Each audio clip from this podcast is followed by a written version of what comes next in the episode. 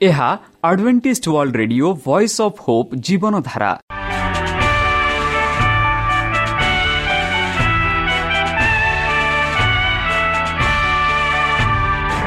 Odia radio କାର୍ଯ୍ୟକ୍ରମ ଯାହା ଆମର ଆନ୍ତର୍ଜାତୀୟ ଆଘାତ କେନ୍ଦ୍ରରୁ ପ୍ରସାରଣ କରାଯାଉଛି ପ୍ରତିଦିନ ରାତି ନଅଟା ତିରିଶ ମିନିଟ୍ରେ। ମୁଁ ସୁବ୍ରତ କୁମାର ପତି ପ୍ରେମର ସହ ଆପଣମାନଙ୍କୁ ଏହି କାର୍ଯ୍ୟକ୍ରମକୁ ସ୍ୱାଗତ କରୁଅଛି। ଚାଲନ୍ତୁ ଆଜିର ତିରିଶ ମିନିଟ୍ର କାର୍ଯ୍ୟକ୍ରମ ବିଷୟରେ ଜାଣିନେବା। ପ୍ରଥମେ ରଖିଛୁ ଆଧ୍ୟାତ୍ମିକ ଭକ୍ତିମୟ ଗୀତ। ଏହାପରେ ଶୁଣିବା ସ୍ୱାସ୍ଥ୍ୟ ବିଷୟରେ ଯାହା ଆମର ଦୈନିକ ଜୀବନରେ ଅତ୍ୟନ୍ତ ଜରୁରୀ। ଆଉ ପରିଶେଷରେ ଶୁଣିବା ପରମେଶ୍ୱରଙ୍କ ଭକ୍ତଙ୍କଠାରୁ ଜୀବନଦାୟକ ଈଶ୍ୱରଙ୍କ ବାକ୍ୟ। ପ୍ରିୟ ଶ୍ରୋତା ତାହେଲେ ଚାଲନ୍ତୁ ଶୁଣିବା ଏକ ଆଧ୍ୟାତ୍ମିକ ଭକ୍ତିମୟ ଗୀତ।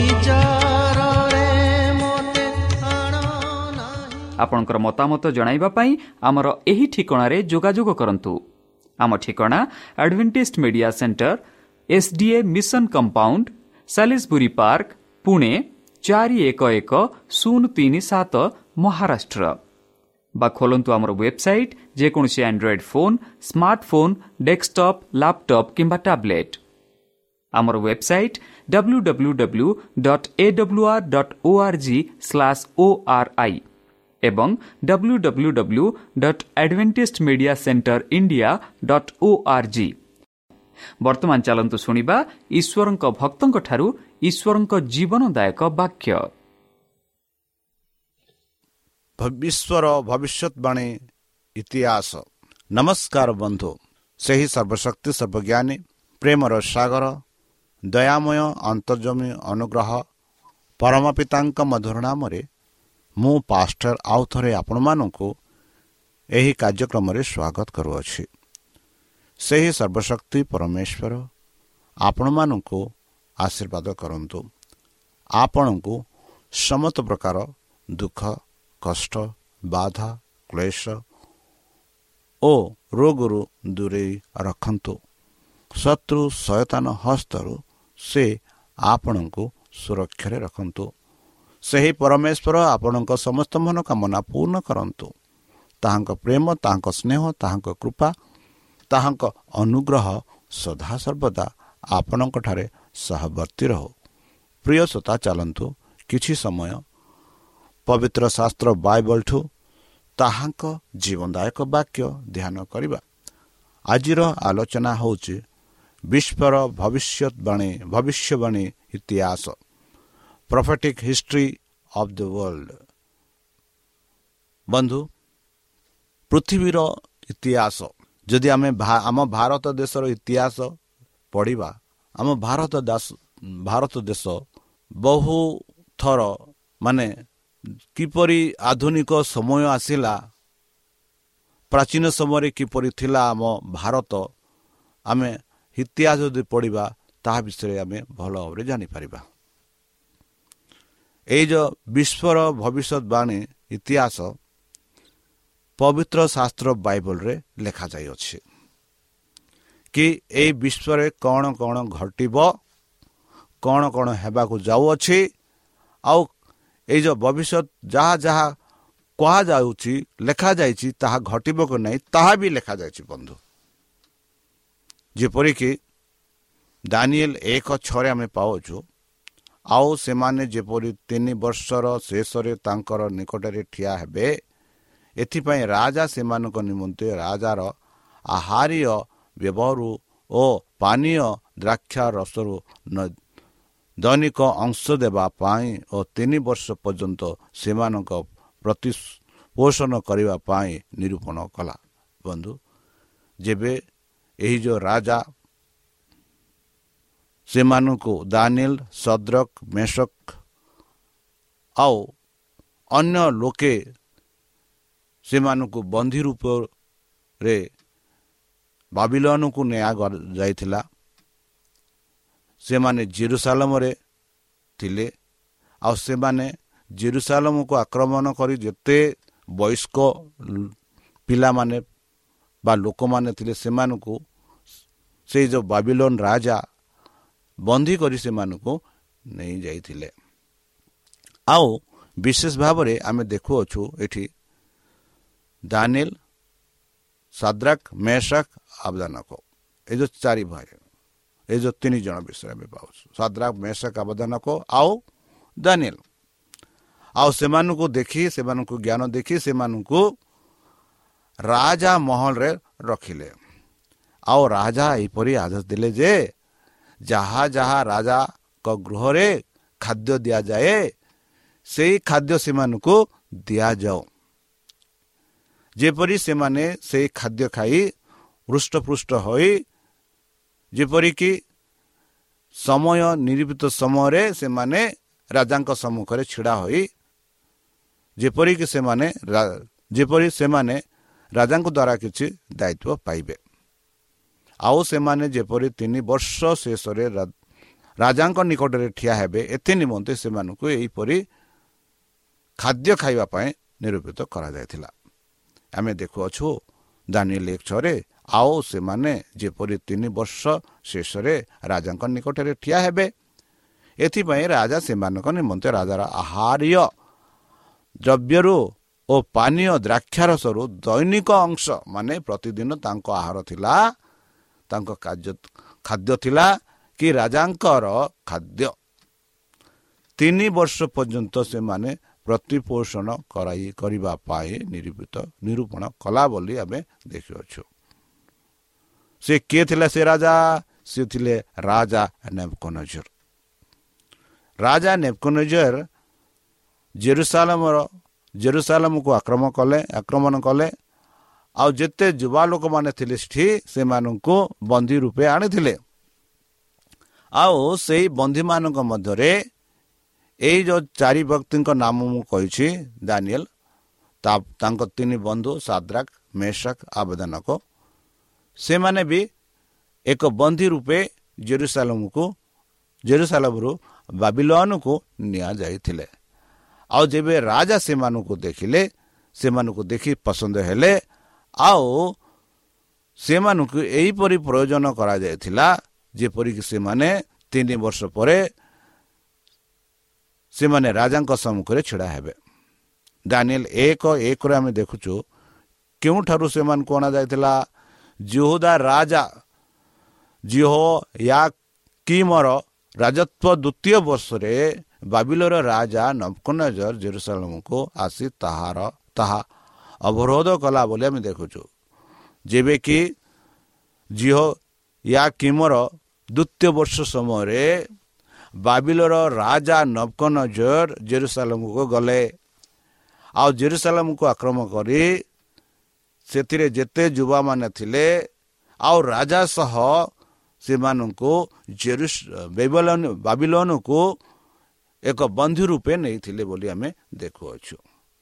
ନେମକନଜର ନିଦ୍ରା କ'ଣ ଥିଲା? ବନ୍ଧୁ ସେମାନେ ଆସିଲା ପରେ ଆମେ ଦେଖୁଛୁ କି ରାଜା ନେପକନଜର ଦିନେ ଶୋଇଥିଲେ। ଆଉ ଶୋଇବା ପୂର୍ବରେ ତାଙ୍କ ମହଲ ଉପରେ ସେ ଯାଇ ନିଜ ନଗରକୁ ଦେଖି ସେ ବହୁତ ଖୁସି ହେଲେ ଗର୍ବ କଲେ। ଏତେ ଗର୍ବ କଲେ ଆଉ ନିଜକୁ କହିଲେ ଦେଖ ମୁଁ ରାଜା ନେପକନେଚର ଏଇ ଯେଉଁ ସୌନ୍ଦର୍ଯ୍ୟ ମହଲ ବନାଇଛି ଏଇ ଯେଉଁ ସୌନ୍ଦର୍ଯ୍ୟ ବାବିଲନ ମୋ ଦ୍ୱାରା କରାଯାଇଛି ଏଇ ଯେଉଁ ସୌନ୍ଦର୍ଯ୍ୟ ରାଜ୍ୟ ମୋର ମୁଁ ଏଇ ରାଜ୍ୟର ବାବିଲୋନର ରାଜା ମୁଁ ଏକ ରାଜା ବୋଲି ସେ ନିଜକୁ ଗର୍ବ କରି ସେଦିନ ରାତିରେ ନିଦ୍ରିତା ପଡ଼ିଲେ ନିଦ୍ରା ବେଳେ ଶୋଇଲେ ଆଉ ସେ ରାତିରେ ସେ ଏକ ସ୍ୱପ୍ନଟିଟା ଦେଖିଲା। ଦାନିଏଲ ଦୁଇ ଏକରେ ଆମେ ଦେଖୁଛୁ ଅନନ୍ତର ନବକନୁଜାର ରାଜତ୍ୱ ଦ୍ୱିତୀୟ ବର୍ଷରେ ନବ୍ରୁ ଖୁସ୍ର ସ୍ୱପ୍ନ ଦେଖିଲା ତହିଁରେ ତାହା ଆତ୍ମା ଉଦ୍ବିଗ୍ନ ହେଲା ଓ ତାର ନିଦ୍ରା ଭଗ୍ନ ହେଲା ବନ୍ଧୁ ଆପଣମାନେ ସମସ୍ତେ ସ୍ୱପ୍ନ ଦେଖୁଛନ୍ତି ନା ବେଳେ ବେଳେ ସ୍ୱପ୍ନ ଭୟଭୀତ ହୋଇଥାଏ ନା ହଁ ଭୟଭୀତ ହୋଇଥାଏ ବେଳେ ବେଳେ ସ୍ୱପ୍ନ ବହୁତ ଖୁସି ଆସିଥାଏ ନା ବହୁତ ଖୁସି ଆସିଥାଏ ଆଉ ବେଳେ ବେଳେ ସ୍ୱପ୍ନରେ ଦେଖି ଆମେ କାନ୍ଦି ପଡ଼ିଥାଉ ନା ହଁ ନା ଆଉ ବେଳେ ବେଳେ ସ୍ୱପ୍ନରେ ଦେଖି ହଁ ସତରେ ଯଦି ମୁଁ ଯାହା ଯାହା ସ୍ୱପ୍ନରେ ଦେଖିଲି ତାହାପରି ଯଦି ମୋ ଜୀବନରେ ହେବ ବହୁତ ବହୁତ ଖୁସିର କଥା ଆଉ ବେଳେ ବେଳେ ଯେବେ ସ୍ୱପ୍ନରେ ଆମେ ଦେଖୁ ଆରେ ସ୍ୱପ୍ନରେ ଯାହା ଦେଖିଲି କ'ଣ ସତ କି ନା କ'ଣ ଘଟିବ କି ଏହିପରି ଆମେ ଭାବିଥାଉ ଯେବେ ଆମେ ଭାବୁ ଜଣେ ସାଧାରଣ ମଣିଷ ଯେବେ ଏହିପରି ଭାବେ ତାହେଲେ ଜଣେ ରାଜା ତେବେ ଯେବେ ସେ ସ୍ୱପ୍ନ ଦେଖନ୍ତି ଆଉ ସେ ସ୍ୱପ୍ନ ଦେଖିଲା ପରେ ଏବେ ଆମେ ଏହି ପଦରେ ଦେଖୁଛୁ ଅନନ୍ତର ନବକନଜର ରାଜତ୍ୱ ଦ୍ୱିତୀୟ ବର୍ଷରେ ଯେବେ ସେ ଦ୍ୱିତୀୟ ବର୍ଷ ରାଜତ୍ୱ କରୁଥିଲେ ନବକନଜର ସ୍ୱପ୍ନ ଦେଖିଲା ତହିଁରେ ତାର ଆତ୍ମା ଉଦ୍ବିଗ୍ନ ହେଲା ଓ ତାର ନିଦ୍ରା ଭାଙ୍ଗିଗଲା। ବନ୍ଧୁ ଆପଣ କେବେ ହେଲେ ଏହିପରି ସ୍ୱପ୍ନ ଦେଖିଛନ୍ତି କି ଯାହା ଦେଖିଲା ପରେ ପରେ ତୁମେ ନିଦ୍ରାଠୁ ଉଠି ଯାଉଛନ୍ତି? ବା ଦେଖିଲା ପରେ ପରେ ଭୟ ହୋଇଯାଉଛନ୍ତି। ଆଉ ଦେଖିଲା ପରେ ପରେ ତୁମର ହୃଦୟ ଉଦ୍ବିଗ୍ନ ଆଉ ଭଗ୍ନ ମାନେ ନିଦ ଆଉ ଆସୁନି। ହୋଇପାରେ ଏହିପରି ଏହିପରି ହୋଇପାରେ। ମୁଁ ବି ଅନେକ ଥର ଏହିପରି ଅନୁଭବ କରିଛି। ମାତ୍ର ଏଠି ରାଜା ବେଲେ ବେଲେ ବନ୍ଧୁ ଆଉ ଗୋଟେ କଥା ମୁଁ କହିବାକୁ ଯାଉଛି। ଯେବେ ଆମେ ସ୍ୱପ୍ନ ଦେଖୁ ଯେବେ ଆମେ ସକାଳେ ଉଠୁ ଆମେ ଭାବୁ ମୁଁ ରାତିରେ ଗୋଟିଏ ସ୍ୱପ୍ନ ଦେଖିଲି ତାହା ମୋର ମନରେ ନାହିଁ। କ'ଣ ସେ ସ୍ୱପ୍ନ ଥିଲା? ସେ ସ୍ୱପ୍ନକୁ ସ୍ୱପ୍ନକୁ ମନ କରିବା ପାଇଁ ଆମେ ଅନେକ ଚେଷ୍ଟା କରିଥାଉ। ଏମିତି ହୋଇଥାଏ ଯେ ବେଲେ ବେଲେ ସେ ସ୍ୱପ୍ନଟା ଭୁଲି ଯାଇଥାଉ। ସେହିପରି ରାଜା ନବକନଜରକୁ ବି ଘଟିଅଛି। ସେ ସ୍ୱପ୍ନ ଦେଖିଲେ। ଏମିତି ସ୍ୱପ୍ନ ଦେଖିଲେ ଯାହାକି ତାଙ୍କ ହୃଦୟକୁ ଉଦ୍ବିଗ୍ନ କଲା। ଏମିତି ସ୍ୱପ୍ନ ଦେଖିଲେ ଯାହାକି ସେ ତାଙ୍କ ନିଦ୍ରାରୁ ଉଠିଗଲେ ଆଉ ଶୋଇପାରିଲେ ନାହିଁ। ବନ୍ଧୁ ରାଜା ଯିଏକି ଏକ ରାଜା ଏକ ଦେଶକୁ ରାଜତ୍ୱ କରୁଛି। ତେବେ ସେ ଜାଣିଲେ ତେବେ ସେ ତାଙ୍କ ସ୍ୱପ୍ନ ଜାଣିବା ପାଇଁ ସେ ଇଚ୍ଛା କଲେ। ସେ ସ୍ୱପ୍ନ ଜାଣିବା ପାଇଁ ଆଉ ସେ ସ୍ୱପ୍ନର ଅର୍ଥ ଜାଣିବା ପାଇଁ ସେ ଇଚ୍ଛା କଲେ ବନ୍ଧୁ। ଆଉ ପବିତ୍ର ଶାସ୍ତ୍ର ବାଇବଲାମାନଙ୍କୁ କହୁଅଛନ୍ତି ତାଙ୍କର ତାହାଙ୍କ ଦେଶର ବୈଜ୍ଞାନିକ ମାନେ ତାଙ୍କ ଦେଶର ଶିକ୍ଷିତ ଲୋକମାନେ ତାଙ୍କ ଦେଶର ଯାହା ଆମେ କହୁଛୁ ଯେଉଁମାନେ ଭବିଷ୍ୟତବାଣୀ କରନ୍ତି ସେମାନଙ୍କୁ ଡାକିଲେ ଆଉ କହିଲେ କି ମୁଁ ରାତିରେ ଗତ ରାତିରେ ଗୋଟେ ସ୍ୱପ୍ନ ଦେଖିଲି। ଆଉ ସେ ସ୍ୱପ୍ନଟା ମୁଁ ଭୁଲି ଯାଇଛି। ମୋତେ ସ୍ୱପ୍ନଟା କୁହ। ଆଉ ସେ ସ୍ୱପ୍ନର ଅର୍ଥ ମୋତେ କୁହ ବୋଲି ରାଜା ଦାବି କଲେ। ଏହିପରି ରାଜା ଦାବି କଲେ ବନ୍ଧୁ କି ମୁଁ ସ୍ୱପ୍ନ ଭୁଲି ଯାଇଛି। ରାତି ଗତ ରାତିରେ ମୁଁ ଘୋର ନିଦ୍ରା ସମୟରେ ଏକ ସ୍ୱପ୍ନ ଦେଖିଲି। ଆଉ ସ୍ୱପ୍ନଟା ମୁଁ ଭୁଲି ଯାଇଅଛି। ବର୍ତ୍ତମାନ ତମେ ସେ ସ୍ୱପ୍ନ ମୋତେ କୁହ ଆଉ ସ୍ୱପ୍ନର ଅର୍ଥ ମୋତେ କୁହ। ଆଉ ସେ କହିଲେ ଯଦି ମୋର ସ୍ୱପ୍ନର ଅର୍ଥ ତୁମେ କହିବ ନାହିଁ ତାହେଲେ ତୁମମାନଙ୍କୁ ମରଣ ଦଣ୍ଡ ଦିଆଯିବ ବୋଲି କହିଥିଲେ ବନ୍ଧୁ। ବନ୍ଧୁ ଦାନିଏଲ ଦୁଇ ଦଶ ଏଗାରରେ ଆମେ ଦେଖୁଛୁ କଲିଅ କଲେସିୟ କଲିଅ ମାନେ ରାଜାର ଛାମୁରେ ଉତ୍ତର କରି କହିଲେ ମହାରାଜାଙ୍କ ବିଷୟ ଯେ ପ୍ରକାଶ କରିପାରିବ କରିପାରିବ ପୃଥିବୀରେ ଏପରି କୌଣସି ମନୁଷ୍ୟ ନାହିଁ। ବନ୍ଧୁ ଯେପରି ମୁଁ ଆପଣମାନଙ୍କୁ କହିସାରିଛି କି ରାଜା କହୁଛନ୍ତି ମୁଁ ଗତ ରାତିରେ ସ୍ୱପ୍ନ ଦେଖିଲି ଆଉ ସ୍ୱପ୍ନ ମୁଁ ଭୁଲି ଯାଇଅଛି ସେ ସ୍ୱପ୍ନ ମୋତେ କୁହନ୍ତୁ। ଆଉ ସେ ସ୍ୱପ୍ନର ଅର୍ଥ କୁହନ୍ତୁ। ଆଉ ଦେଖନ୍ତୁ ଏଠି କଲିସିଓ ମାନେ କ'ଣ କହୁଛନ୍ତି। ରାଜାର ଛାମରେ ଉତ୍ତର କରି କହିଲେ ମହାରାଜ ମହାରାଜଙ୍କ ବିଷୟ ଯେ ପ୍ରକାଶ କରିପାରିବେ ଏହି ପୃଥିବୀରେ କୌଣସି ମଣିଷ ନାହିଁ ବୋଲି ସେମାନେ କହିଲେ। ଯେହେତୁ ଯଦି ତୁମେ ସ୍ୱପ୍ନର ସ୍ୱପ୍ନ ଆମକୁ କହିବ ତେବେ ଆମେ ସ୍ୱପ୍ନର ଅର୍ଥ କହିପାରିବୁ। ତୁମେ ରାତିରେ କି ପ୍ରକାର ସ୍ୱପ୍ନ ଦେଖିଲ? ଆମେ କେମିତି ଜାଣୁ? ବୋଲି ସେମାନେ ଏହିପରି କାରଣ କୌଣସି ରାଜା ପ୍ରଭୁ କି ଅବା ଶାସନକର୍ତ୍ତା କୌଣସି ମନ୍ତ୍ରଜ୍ଞକୁ କି ଅବା ଗଣନାକୁ ଅଥବା କଲିୟକୁ ଏପରି କଥା ପଚାରି ନାହାନ୍ତି। ପୁଣି ମହାରାଜା ଯାହା ଚାହାନ୍ତି ତାହା ଅସାଧାରଣ ବିଷୟ ଓ ଯେଉଁମାନଙ୍କ ନିବାସ ମାଂସ ଦେହର ନୁହେଁ ସେହି ଦେବଗଣ ବିନୁ ଆଉ କେହି ମହାରାଜାଙ୍କ ଛମରେ ତାହା ପ୍ରକାଶ କରିପାରିବେ ନାହିଁ। ଦେଖନ୍ତୁ ବନ୍ଧୁ ଏମାନେ କେତେ ସୁନ୍ଦର ଭାବରେ କେତେ ସୁନ୍ଦର ଭାବରେ ସେ ରାଜାକୁ କହୁଛନ୍ତି ହେ ମହାରାଜା ଖାଲି ଦେବମାନଙ୍କର ହିଁ ଏହା ଶକ୍ତି ଅଛି। କି ରାଜା କି ପ୍ରକାର ସ୍ୱପ୍ନ ଦେଖିଥିଲେ ଆଉ ସ୍ୱପ୍ନର ଅର୍ଥ କିଏ କ'ଣ? ମାତ୍ର ପୃଥିବୀରେ କୌଣସି ମନ୍ତ୍ରଜ୍ଞକୁ କିଏ ବା କୌଣସି କଲିୟ କେହି ବି ପଚାରିପାରୁ କେହି ବି କହି ମହାରାଜକୁ ଏହି ସ୍ୱପ୍ନ କହିପାରିବେନି କି ସ୍ୱପ୍ନର ଅର୍ଥ କରିପାରିବେ ନାହିଁ। ଏହା ସବୁ ଅସାଧାରଣ ବିଷୟ ବୋଲି ସେମାନେ କହିଲେ। ବନ୍ଧୁ ଦାନିଏଲ ଦୁଇ ବାରରେ ଆମେ ଦେଖୁ। ଏହି କାରଣରୁ ରାଜା କ୍ରୋଧ ଓ ପ୍ରଚଣ୍ଡ କପିନତ ହୋଇ ବାବିଲର ସକଳ ବିହାନ ଲୋକଙ୍କୁ ବୋଧ କରିବାକୁ ଆଜ୍ଞା ଦେଲେ।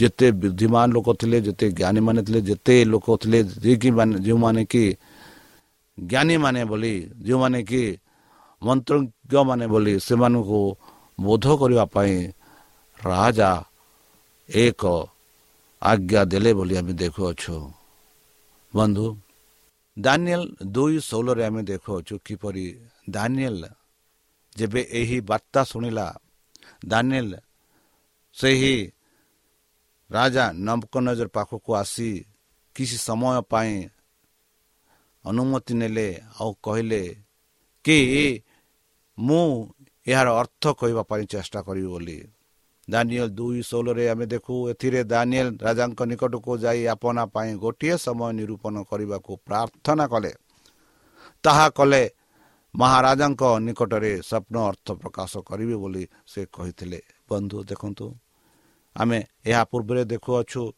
କି ଦାନିଏଲଙ୍କ ଯେତେ ସେଇ ସଭାରେ ଥିଲେ ସେମାନେ ସେଇ ସ୍ୱପ୍ନର ଅର୍ଥ କହିପାରିବେନି ବୋଲି କହିଲେ। ମାତ୍ର ଖାଲି ଦେବତାମାନେ ତାର ଅର୍ଥ କହିପାରିବେ ସ୍ୱପ୍ନ କହିପାରିବେ ବୋଲି କହିଲେ। ମାତ୍ର ଏଠି ଆମେ ପାଉଛୁ ଦାନିଏଲ ରାଜାଙ୍କଠାରେ ଏକ ସମୟର ନିରୂପଣ ପ୍ରାର୍ଥନା କରୁଛନ୍ତି। ସେ କହନ୍ତି ହେ ମହାରାଜା ମୋତେ କିଛି ସମୟ ଦିଅ ମୁଁ ସଦାପ୍ରଭୁଙ୍କଠାରେ ପ୍ରାର୍ଥନା କରିବି। ଆଉ ସେ ସ୍ୱପ୍ନ ଆଉ ସେ ଅର୍ଥ ମୁଁ ବୁଝେଇବି ବୋଲି ସେ କହିଲେ।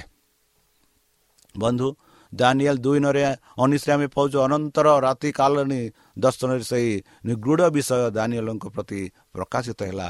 ତହିଁରେ ଦାନିଏଲ ସ୍ୱର୍ଗସ୍ଥ ପରମେଶ୍ୱରଙ୍କୁ ଧନ୍ୟବାଦ କଲେ। ବନ୍ଧୁ ଗତକାଲି ତା କାଲିରେ ଆମେ ଆଲୋଚନା କଲୁ କି ଭବିଷ୍ୟତବାଣୀ। ଆମେ ମଧ୍ୟ ଏବେ ବର୍ତ୍ତମାନ ବି ଆମେ ଭବିଷ୍ୟତବାଣୀ ବିଶ୍ୱର ଭବିଷ୍ୟତବାଣୀର କାହାଣୀ ଶୁଣୁଅଛୁ। ଏଠି ଦେବେ ଦାନିଏଲ ଭବିଷ୍ୟତ ଭକ୍ତା। ରାଜା ନେପକନଜର ପାଖକୁ ଯାଇ କିଛି ସମୟ ନିରୂପଣ ପାଇଁ ପ୍ରାର୍ଥନା କଲେ। ଆଉ ସେଇ ରାତିରେ ଦାନିଏଲ ସଦାପ୍ରଭୁ ପରମେଶ୍ୱରଙ୍କ ଠାରେ ପ୍ରାର୍ଥନା କଲେ।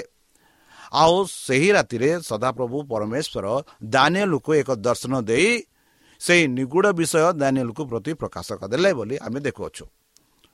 ତହିଁରେ ଦାନିଏଲ ସ୍ୱର୍ଗସ୍ଥ ପରମେଶ୍ୱରକୁ ଧନ୍ୟବାଦ ଦେଲେ ବନ୍ଧୁ ମୁଁ ଏହା ପୂର୍ବରେ ମୁଁ କହିଥିଲି ଆମେ ଅନେକ ଲୋକ ସ୍ୱପ୍ନ ଦେଖୁ ମାତ୍ର ସେ ସ୍ୱପ୍ନ ବୁଝିବା ପାଇଁ ଆମେ କେବେ ହେଲେ ଚେଷ୍ଟା କରିଥାଉ କି ବନ୍ଧୁ ମୁଁ ଜୀବନରେ ଅଧିକାଂଶ ସମୟରେ ଯାହା ଯାହା ଘଟିବାକୁ ଯାଉଅଛି ଯାହା ଯାହା ଘଟିବ ମୁଁ ସ୍ୱପ୍ନ ଦ୍ୱାରା ଦେଖିଥାଏ ବନ୍ଧୁ ମୁଁ ଗର୍ବ ହୋଇ କହୁନି ମାତ୍ର ସ୍ୱପ୍ନ ଦ୍ୱାରା ଦେଖିଥାଏ ଆଉ ମୁଁ ଯାହା ସ୍ୱପ୍ନ ଦେଖିଥାଏ ତାହା ମୁଁ ଭୁଲି ଯାଇଥାଏ ମାତ୍ର ମନେ ଥାଏ ଆଉ କେତେ ଦିନ ପରେ ମୁଁ ଭୁଲିଯାଏ। ଆଉ ଯେବେ ସେ ଘଟଣା ଘଟିଥାଏ ସେତେବେଳେ ମୁଁ ସେ ସ୍ୱପ୍ନ ବିଷୟରେ ମନେ କରେ। ଦେଖନ୍ତୁ ବନ୍ଧୁ ପରମେଶ୍ୱର ଆମମାନଙ୍କ ମଧ୍ୟରେ ମଧ୍ୟ ବର୍ତ୍ତମାନ ମଧ୍ୟ ସ୍ୱପ୍ନ ଦ୍ୱାରା ଆମମାନଙ୍କୁ ଆଗରେ କ'ଣ ଘଟିବାକୁ ଯାଉଅଛି କ'ଣ ଘଟିବ ତାହା ବିଷୟରେ ଆମକୁ ସ୍ୱପ୍ନ ଦ୍ୱାରା ଦେଖାନ୍ତି। ଆଉ ବେଳେ ବେଳେ ସେ ସ୍ୱପ୍ନକୁ ଆମେ ମନେ ରଖିଥାଉ କେତେ ସମୟ ପରେ ଆମେ ଭୁଲି ଯାଇଥାଉ। ଯେପରି ମୁଁ ବର୍ତ୍ତମାନ ଆପଣଙ୍କୁ କହିଲି ମୁଁ ମଧ୍ୟ ଅନେକ ସ୍ୱପ୍ନ ଦେଖିଥାଏ। ଆଉ ସେ ସ୍ୱପ୍ନର ଅର୍ଥ ବୁଝିବା ପାଇଁ ଚେଷ୍ଟା କରିଥାଏ। ତାପରେ ଯେବେ କି ସେ ଘଟଣା ଘଟିଥାଏ ସେତେବେଳେ ମୁଁ କହେ ଏହି ସ୍ୱପ୍ନର ଅର୍ଥ ଏହା। ଆଉ ବେଳେ ବେଳେ ମୁଁ ନିଜ ପରିବାରକୁ ଯେବେ ମୁଁ ସ୍ୱପ୍ନ ଦେଖେ ସେହି ସ୍ୱପ୍ନର ବିଷୟ କୁହେ ଆଉ ମୁଁ ସେମାନଙ୍କୁ କୁହେ ସାବଧାନ ରୁହ। ବନ୍ଧୁ ଦାନିଏଲ ଦୁଇ ଛବିଶରେ ଆମେ ଦେଖୁଅଛୁ ରାଜା ସେହି ଦାନିଏଲ ଯାହାଙ୍କ ନାମ ବେଲସର ଥିଲା ତାଙ୍କୁ ଉତ୍ତର କରି କହିଲା ମୁଁ ଯେଉଁ ସ୍ୱପ୍ନ ଦେଖିଛି ତୁମେ କି ତାହା ଓ ତହିଁର ଅର୍ଥ ମୋତେ ଜଣାଇ ପାରିବ? ବନ୍ଧୁ ଦାନିଲ ଦୁଇ ଅଠାଇଶରେ ଆମେ ପାଉଛୁ। ମାତ୍ର ସେ ନିଗୁଢ଼ ବିଷୟ ମାତ୍ର ପ୍ରକାଶ କରନ୍ତି। ଏପରି ଏକ ପରମେଶ୍ୱର ସ୍ୱର୍ଗରେ ଅଛନ୍ତି। ଆଉ ଅନ୍ତିମ କାଳରେ ଯାହା ଯାହା ଘଟିବ ତାହା ସେ ମହାରାଜା ନବକନଜରଙ୍କ ଜଣାଇଛନ୍ତି ଆପଣଙ୍କ ସ୍ୱପ୍ନ ଓ ଶସ୍ୟ ଉପରେ ଆପଣଙ୍କ ମନର ଦର୍ଶନ ଥିଲା। ବନ୍ଧୁ ଏଇ ଯେଉଁ ବିଷୟରେ ମୁଁ ଆପଣମାନଙ୍କୁ ଅଧିକ ରୂପେ ମୁଁ କହିବି। ବର୍ତ୍ତମାନ ଆମେ ଦେଖୁଅଛୁ ରାଜା ସ୍ୱପ୍ନ ଦେଖୁଛନ୍ତି। ସେ ସ୍ୱପ୍ନରେ ରାଜା ଦେଖିଲେ ମାତ୍ର ସ୍ୱପ୍ନଠୁ ଭୁଲି ଯାଇଛନ୍ତି। ଆଉ ସେ ସ୍ୱପ୍ନକୁ ବୁଝିବା ପାଇଁ ଜାଣିବା ପାଇଁ ସେ ଚେଷ୍ଟା କରୁଛନ୍ତି। ସେ ସ୍ୱପ୍ନ ମାତ୍ର ମାତ୍ର ସେ ସ୍ୱପ୍ନଟା ମନକୁ ଆସୁନାହିଁ। ଆଉ ରାଜା କ'ଣ କରୁଛନ୍ତି? ତାଙ୍କ ଦେଶର ସମସ୍ତ କଲେସିୟମାନଙ୍କୁ ବୁଦ୍ଧି ବୁଦ୍ଧି ଲୋକମାନଙ୍କୁ ବୈଜ୍ଞାନିକମାନଙ୍କୁ ଯେଉଁମାନେ କି ଭବିଷ୍ୟତ କରନ୍ତି ସ୍ୱପ୍ନର ଉତ୍ତର ମାନେ ବୁଝାନ୍ତି ସେମାନଙ୍କୁ ଡାକିଲେ। ଆଉ ସେମାନେ ରାଜାକୁ କହିଲେ ହେ ରାଜା ଆପଣ ଯଦି ଆମମାନଙ୍କୁ ସେଇ ସ୍ୱପ୍ନ କହିବେ ଆମେ ସେ ସ୍ୱପ୍ନର ଅର୍ଥ କହିବା ପାଇଁ ରାଜି ଅଛୁ। ଯଦି ଆପଣ ସ୍ୱପ୍ନ ନ କହିବେ ଆଉ ସ୍ୱପ୍ନ ନ କହି ଆମମାନଙ୍କୁ ସ୍ୱପ୍ନ ମୁଁ କ'ଣ ସ୍ୱପ୍ନ ଦେଖିଲି ଆଉ ସେ ସ୍ୱପ୍ନର ଅର୍ଥ କ'ଣ ବୋଲି ଆମକୁ ପଚାରିଲେ ଏହି ପୃଥିବୀରେ କୌଣସି ମଣିଷ ନାହିଁ ଯିଏକି ସେଇ ସ୍ୱପ୍ନ ବିଷୟରେ ସ୍ୱପ୍ନର ଅର୍ଥ ଆଉ ଆପଣ କ'ଣ ସ୍ୱପ୍ନ କରିଛନ୍ତି ତାହା କହିବାର କାହାର ଶକ୍ତି ନାହିଁ। ଶାସନକର୍ତ୍ତା କି ମନ୍ତ୍ରୀଙ୍କ କି କଲେସିୟ କେହି ବି ନାହାନ୍ତି ବୋଲି ସେମାନେ କହିଲେ। ଯେହେତୁ ଏହା ଏକ ଅସାଧାରଣ ବିଷୟ। ଯେହେତୁ ଆମେ ମନୁଷ୍ୟମାନେ ଏକ ମାଂସ ଆମେ ଦେବତା ନୁହଁ ମାତ୍ର ଦେବତାଙ୍କ ମାନଙ୍କର ହିଁ ସେହି ଶକ୍ତି ଅଛି। ଆଉ ଦେବତାମାନେ ହିଁ ଆପଣଙ୍କ ସ୍ୱପ୍ନ ବିଷୟରେ ଆପଣଙ୍କ ସ୍ୱପ୍ନର ଅର୍ଥ ବିଷୟରେ ସେମାନେ କହିପାରିବେ ବୋଲି ଆମେ ଦେଖୁଅଛୁ। ମନେ ରଖନ୍ତୁ ବନ୍ଧୁ ସେମାନଙ୍କୁ ମଧ୍ୟ ଏହିପରି ଆଦେଶ ଦିଆଯାଇଥିଲା ଯଦି ତୁମେ ଏହି ସ୍ୱପ୍ନର ଅର୍ଥ ଯଦି ତୁମେ ଯାହା ମୁଁ ସ୍ୱପ୍ନ ଦେଖିଥିଲି ତାହା ଯଦି ତୁମେ ନ କହିବ ସେମାନଙ୍କୁ ଏକ ସମୟ ନିରୂପିତ କଲେ। ଆଉ ଏହି ସମୟରେ ଯଦି ତୁମେ ନ କହିବ ତାହେଲେ ସମସ୍ତଙ୍କୁ ବୋଧ କରାଯିବ। ବୋଧ ମାନେ ସମସ୍ତଙ୍କୁ ମରଣ ଦଣ୍ଡ ଦିଆଯିବ ବୋଲି ସେ କହିଲେ। ସେଥି ସମୟରେ ଦାନିଏଲ ଯିଏକି ଏହି ଖବର ପାଇ ରାଜା ନମ୍କନଜର ପାଖକୁ ଯାଇ ଏକ ସମୟ ନିରୂପଣ ପାଇଁ ପ୍ରାର୍ଥନା କଲେ। ଆଉ ରାଜା ଦାନିଏଲଙ୍କ କଥା ମାନି ଦାନିଏଲଙ୍କୁ ଏକ ସମୟ ନିରୂପଣ ଦେଲେ। ଆଉ ଦାନିଏଲ କ'ଣ କଲେ? ଦାନିଏଲ ଯିଏକି ସେହି ସଦାପ୍ରଭୁ ପରମେଶ୍ୱରଙ୍କ ଠାରେ ବିଶ୍ୱାସ କରନ୍ତି ସେହି ସଦାପ୍ରଭୁଙ୍କ ଠାରେ ସେ ପ୍ରାର୍ଥନା କଲେ। ଆଉ ଯେବେ ସେ ସଦାପ୍ରଭୁଙ୍କ ଠାରେ ପ୍ରାର୍ଥନା କଲେ ସଦାପ୍ରଭୁ ପରମେଶ୍ୱର ଦାନିଏଲଙ୍କୁ ଏକ ଦର୍ଶନ ଦେଲେ। ଆଉ ସେଇ ଦର୍ଶନରେ ରାଜା ନେପକନଜରଙ୍କର ସ୍ୱପ୍ନ ଆଉ ତାର ଅର୍ଥ ବି ସେ ବୁଝାଇଲେ। ଆଉ ବର୍ତ୍ତମାନ ଆମେ ଦେଖୁଛୁ ଦାନିଏଲ ରାଜା ସମ୍ମୁଖରେ ଛିଡ଼ା ହୋଇ କହୁଛନ୍ତି କି ଏ ଯାହା ଯାହା ତମେ ଦେଖିଅଛ ତାହା ସବୁ ପରମେଶ୍ୱର ତୁମମାନଙ୍କୁ ଆପଣଙ୍କୁ ପ୍ରକାଶ କରିଅଛନ୍ତି ବୋଲି କହିଲେ ବନ୍ଧୁ ହୋଇପାରେ ଆମମାନଙ୍କୁ ସ୍ୱପ୍ନ ଦ୍ୱାରା ପରମେଶ୍ୱର କିଛି କହିବାକୁ ଚାହୁଁଛନ୍ତି କ'ଣ ସେହି ସ୍ୱପ୍ନର ଅର୍ଥ ଜାଣିବା ପାଇଁ ଆପଣ ଇଚ୍ଛା କରୁଛନ୍ତି କି ତାହେଲେ ସେହି ସଦାପ୍ରଭୁଙ୍କ ଠାରେ ପ୍ରାର୍ଥନା କର ଯଦି ଆପଣମାନେ ବେଲେ ବେଲେ ସ୍ୱପ୍ନ ଦେଖ ଆଉ ସେହି ସ୍ୱପ୍ନର ଅର୍ଥ ଜାଣିବା ପାଇଁ ଯିଏକି ସଦାପ୍ରଭୁ ପରମେଶ୍ୱର ହିଁ ସ୍ୱପ୍ନର ଅର୍ଥ ଦେଇପାରିବେ। ତାହେଲେ ଚାଲନ୍ତୁ ସେହି ସଦାପ୍ରଭୁ ପରମେଶ୍ୱରଙ୍କ ନାମରେ ଆମେ ବିଶ୍ୱାସ କରି ତାଙ୍କ ମଧୁର ନାମରେ ଆମେ ପ୍ରାର୍ଥନା କରିବା। ମନେ ରଖନ୍ତୁ ବନ୍ଧୁ କାଲିକୁ ଦାନିଏଲର ବିଶେଷ ନବକନେଜର ସ୍ୱପ୍ନ ବିଷୟରେ ଆମେ କଥାବାର୍ତ୍ତା ହେବା। ତା ପୂର୍ବେ ଚାଲନ୍ତୁ ସେହି ସଦାପ୍ରଭୁଙ୍କ ନାମରେ ଆମେ ସମର୍ପଣ କରି ତାଙ୍କ ମଧୁର ନାମରେ ଆମେ ପ୍ରାର୍ଥନା କରିବା। ହେ ଆମ୍ଭମାନଙ୍କ ସର୍ବଶକ୍ତି ସର୍ବଜ୍ଞାନୀ ପ୍ରେମର ସାଗର ଦୟାମୟ ଅନ୍ତର୍ଜମୀ ଅନୁଗ୍ରହ ପରମ ପିତା ଧନ୍ୟବାଦ ଅର୍ପଣ କରୁଛୁ ବର୍ତ୍ତମାନ ଯେଉଁ ବାକ୍ୟ ତୁମ ଭକ୍ତମାନଙ୍କୁ ଶୁଣାଇଲେ ସେହି ବାକ୍ୟ ଅନୁସାରେ ଆମମାନଙ୍କୁ ଚାଲିବା ପାଇଁ ବୁଦ୍ଧିରେ ଜ୍ଞାନରେ ପରିପୂର୍ଣ୍ଣ କର ପବିତ୍ର ଆତ୍ମା ଦ୍ୱାରା ଆମମାନଙ୍କୁ ପରିଚାଳନା କର ଦୁଃଖ କଷ୍ଟ ବାଧାରୁ ଆମମାନଙ୍କୁ ଉଦ୍ଧାର କର ଶତ୍ରୁ ସୟତାନରୁ ଆମମାନଙ୍କୁ ରକ୍ଷା କର ବିଶେଷ ଭାବରେ ତୁମ ବାକ୍ୟ ବୁଝିବା ପାଇଁ ତୁମ ସେହି ପବିତ୍ର ଆତ୍ମା ଦ୍ୱାରା ପରିଚାଳନା କର। ପରିଶେଷ ଯେବେ ତୁମେ ତୁମ ସେହି ସାହସ ବ୍ୟକ୍ତିଙ୍କ ସହ ଆସିବେ ସେତେବେଳେ ଆମମାନଙ୍କୁ ଏକ ବାସସ୍ଥାନ ଦିଅ ବୋଲି ତ୍ରାଣକର୍ତ୍ତା ପ୍ରଭୁ ଯୀଶୁଙ୍କ ମଧୁମୟ ନାମରେ ଏହି ଛୋଟ ବୃକ୍ଷ ମଙ୍ଗୁଛି ତୁମେ କ'ଣ କର ଆମେ প্রিয় শ্রোতা আমি আশা করুছ যে আমার কার্যক্রম আপনার পসন্দ লাগুব আপনার মতামত পাই আমার এই ঠিকার যোগাযোগ করতু ଆମ ଠିକଣା Adventist media centre SDA mission compound Salisbury park Pune ଚାରି ଏକ ଏକ ଶୂନ ତିନି ସାତ ମହାରାଷ୍ଟ୍ର। ବା ଖୋଲନ୍ତୁ ଆମର ୱେବସାଇଟ୍ ଯେକୌଣସି Android phone smartphone desktop laptop କିମ୍ବା ଟ୍ୟାବ୍ଲେଟ୍ ଆମର website W W W dot A A W R dot O R G slash O R I ଏବଂ W W W dot Adventist media centre India dot O R G Adventist media centre ଇଣ୍ଡିଆର spelling ହେଉଛି A D V E N T I S T M E D I A C E N T R E I N D I A ଅଥବା download କରନ୍ତୁ ଆମର mobile app ଆପଣଙ୍କର mobile play ଷ୍ଟୋର୍କୁ ଯାଆନ୍ତୁ ଆଉ type କରନ୍ତୁ the voice of hope ଆଉ download କରନ୍ତୁ ଈଶ୍ୱର ଆପଣଙ୍କୁ ଆଶୀର୍ବାଦ କରନ୍ତୁ।